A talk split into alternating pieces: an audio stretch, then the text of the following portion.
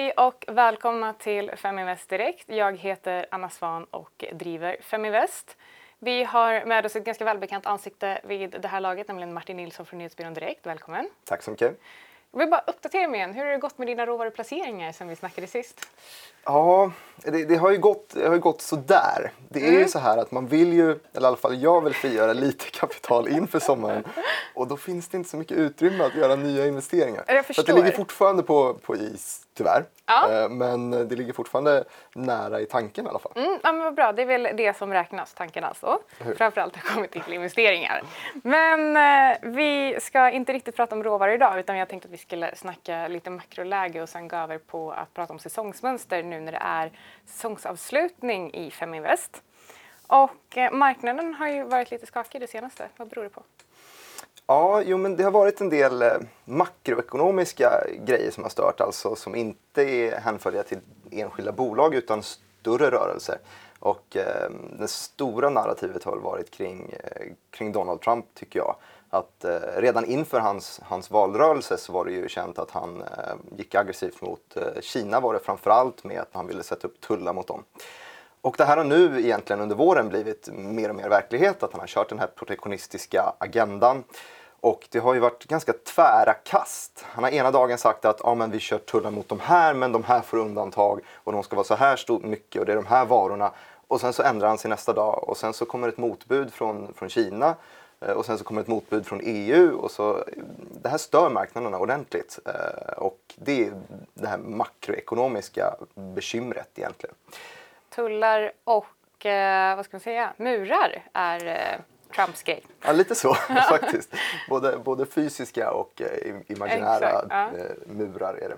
Och sen så utöver det här faktiskt så har vi ju Italien, kanske inte har, har undgått så många de har haft lite problem att bilda regering. Det har de nästan alltid. Jag såg någon statistik på att deras snittregering lyckas hålla ihop i ungefär nio månader. Så att det brukar vara skakigt där. Men det var exceptionellt skakigt den här gången och framförallt så var det mot det populistiska och negativ mot EU och EMU-hållet som mm. tog lite överkanten nu.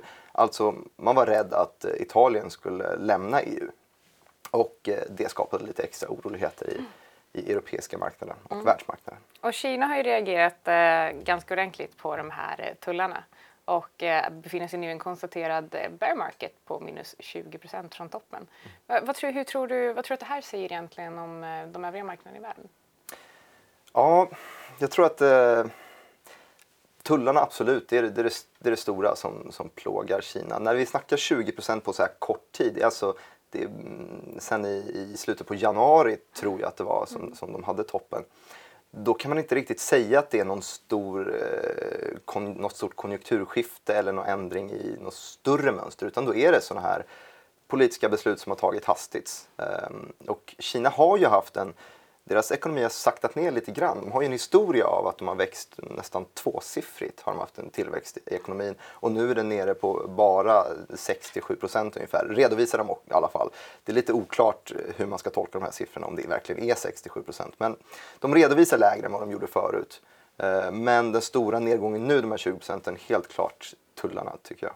Men så Trump skapar egentligen, eh, skulle man kunna säga, konflikter med alla andra i världen men eh, bygger vänskaper med Nordkorea. Vad, mm. vad tror du om det? Vi, vi såg ju där att vi hade eh, vi hade lite oroligheter i marknaden när vi, när vi pratade om Nordkoreas eh, kärnvapen och eh, nu har ju de lovat att de ska nedrusta det. Vad, vad tror du kommer hända? Jag tror egentligen så här att marknaden har, att en president träffar en, en diktator på det här sättet är otroligt ovanligt. Eh, men marknaden är lite vad säger man, lite mättad på sån här volatilitet. Att vi har inte sett att det har stuckit iväg så otroligt mycket på, på volatilitetsindexerna som mäter då den här risken som marknaden bevakar.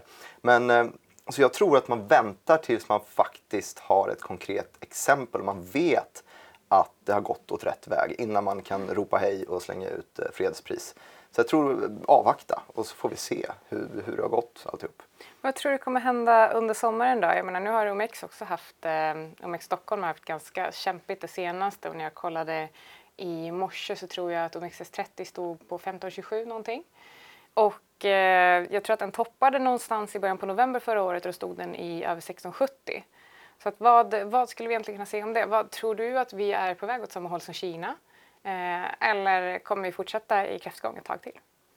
Det beror på, eftersom att det är de här politiska, jag kommer tillbaka till tullarna om och om igen och eh, eh, politisk oro. Men jag tror att det är det det hänger på. Så länge vi inte riktigt vet så, så kommer det vara lite risk-off på marknaden. Folk vågar inte ge sig in helt ordentligt. Och det finns eh, andra grejer än bara Italien också. Det har inte varit lika oroligt i Tyskland men de har inte lyckats eh, få en, få en färdig regering och de hade val i, i september förra året tror jag. Eh, Angela Merkel har lite problem där. Det ser inte ut att vara lika stökigt som, som Italien men Tyskland är gigantiskt och framförallt för Sverige så betyder Tyskland väldigt, väldigt mycket. Så att blir det minsta oroligt där så påverkar det Sverige också. Det är många sådana här små, små ingredienser som, som jag ser att påverkar den svenska marknaden och OMXS då också. Och eh, jag tänkte att vi skulle prata lite om vad vi kan vänta oss under sommaren men vi brukar ju säga att sälj in May and stay away eller köp till sillen och sälj till kräftorna. Mm. Vad, vad tror du? Borde man göra det? Det beror helt på. Jag tycker egentligen inte att det här är lite förrädiskt för det här bjuder in till att man ska eh, avvika från sin grundläggande strategi. Om det är så att man investerar långsiktigt och långsiktigt så tänker jag flera år fram i tiden. Och då blir mött med det här eh, en fråga om man ska helt plötsligt ändra sin strategi bara för att det har funnits ett traditionellt mönster av att det går lite sämre under sommarmånaderna jag köper inte riktigt det, utan jag tycker att man ska hålla fast i sin strategi. Möjligtvis se över de innehaven man har och kolla mitt under sommaren och se, ja men titta nu har mitt favoritinnehav H&M sjunkit väldigt mycket. Är det så att någonting fundamentalt har ändrat, jag tar H&M för att jag vet att du ligger kort där. Men eh, är det så att det är någonting fundamentalt som har ändrats som kan förklara den här nedgången eller ser det likadant ut och är det då alltså Eh, en, en likviditetsbrist som har gjort att den har, har fallit? Man brukar ju säga här under sommarmånaderna att eh, det som händer antagligen är att eh, folk vill ta semester från börsen. Folk vill ta ut pengar för att ha råd att ta semester och vill inte lägga lika mycket energi på börsen heller utan man vill vila sitt huvud. Det tänker jag göra under några veckor också. Och då försvinner lite likviditet från börsen och det är därför sommarmånaderna ofta går lite sämre. Men jag tycker inte man ska liksom ändra sin grundläggande strategi bara för att eh, Nej, jag håller, jag håller faktiskt helt och hållet med dig. Jag blir lite förvånad själv. Jag som ofta pratar om att eh, allokera mellan olika tillgångsslag, då får jag ofta höra då försöker du tajma börsen. Mm. Och samma personer säger ah, sell in me and go away. Nej, inte riktigt så. Nej, men så jag håller med dig. Har man en strategi som kanske bygger på 10, 15, 20 år långt fram i tiden, då då kommer det inte spela någon roll om du försöker tajma de här säsongsmönstren. Det finns liksom ingen idé utan se till att du är långsiktig i dina investeringar. Så jag håller verkligen, verkligen med. Exakt. Och det här med att man kan använda semestern åt att kanske sommarstäda sin portfölj. Jag tänker att man kan absolut använda den tiden åt att faktiskt läsa eh, bra böcker. Många läser ju under sommaren. Mm. Eh, en av mina favoritböcker är uh, The Most Important Thing av Howard Marks och eh, Dow of Capital eh, som är skriven av Mark Spitznagel. Jag tycker att de har gett mig extremt stor behållning och jag har lärt mig väldigt, väldigt mycket eh, av dem. Har du några bra boktips? Mm, jag har en nu som jag, jag vet inte riktigt om jag kan ge boktipset även för jag har inte läst ut den mm. faktiskt. Men det här är då Eh, han vann Nobelpriset i, i, ekonomi och det är ju inte riktiga Nobelpriset men det är en Nej, liten precis. sidokommitté som ja. typ är Nobelpriset. Eh, och han heter Richard Thaler, han vann det 2017 mm. och han snackar väldigt mycket om behavioral economics, mm. alltså när man gör det här samspelet mellan psykologi, hur folk agerar och så försöker man eh, översätta det i ekonomiska beslut. Den sitter, håller jag på och läser nu. Jag fick den av min kära styvmor eh, och är väldigt glad för den boken för jag tycker att det är, det är väldigt härliga exempel. Den är lättläst på något sätt och man kan alltid översätta det i sin egen verklighet. Så att, eh, jag tror att på, på svenska så heter den Beslut och beteenden och det är Richard Taylor som har skrivit den. Då, så. Spännande, så ett eventuellt tips då, vi får återkomma till Eventuellt, det kanske. Ja. Eventuellt. Men eh, men vad tror du nu? Vi, kommer vi står ju också, det är ganska spännande nu det som händer i Sverige. Vi har faktiskt valår också. Hur tror du att valet kommer påverka börsen i höst? Det är jättesvårt att svara på. Ja, väldigt svårt Det är lite som att, att jag frågar dig, tror att börsen kommer vara plus eller minus för årets slut? Ja, du.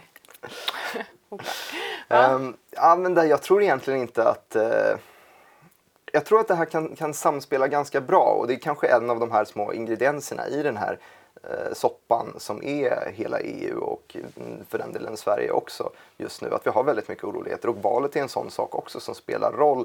Det spelar då kanske mer roll på just den svenska börsen om man får kolla lite mer på sektorspecifika grejer. Säg att man tar hur mycket man ska allokera till, eh, till skolor och, och göra, hitta om det finns något läge mellan privatskolor och, och eh, eller friskolor och inte friskolor och kommunala skolor. Och se om det finns sådana små sektordifferenser, samma sak på vårdsidan, vinster i välfärden. Sådana politiska beslut som kan, kan påverka vissa sektorer. Men ekonomin i helhet eh, tror jag styrs mer av eh, ja, men typ eh, tullar, typ Tyskland och Italien mm. och så vidare. Större rörelser. Tror du vi kommer att se ett regeringsskifte? Nej, det vågar jag inte svara Nej. på. Jag vågar inte oroväckande i alla fall mm. hur, hur det politiska läget ser ut i Sverige idag. Mm. Men, eh, men för att knyta ihop det här då, det är, det är lite oroligt just nu i omvärlden och mm. Eh, börserna, börsen går lite skakigt lite överallt egentligen. Eh, så att frågan är om man, om man känner sig trygg och man har väldigt, väldigt lång sikt då ska man såklart ligga kvar i de positioner som man gör idag. Men annars så, precis som vi har diskuterat här, att semestern kan vara ett ypperligt tillfälle att faktiskt se över sina investeringar och kolla över sin pension också. Eh, har jag rätt eh, fonder i min, i min portfölj eller är det någonting jag behöver byta ut och hur har jag presterat och varför inte och sådär. Mm. Så ja, men så sammanfattningsvis eh, läs, läs böcker och eh, se över din portfölj så får Feminist önska trevlig sommar och tack för att du kom hit. Trevlig sommar, tack så mycket.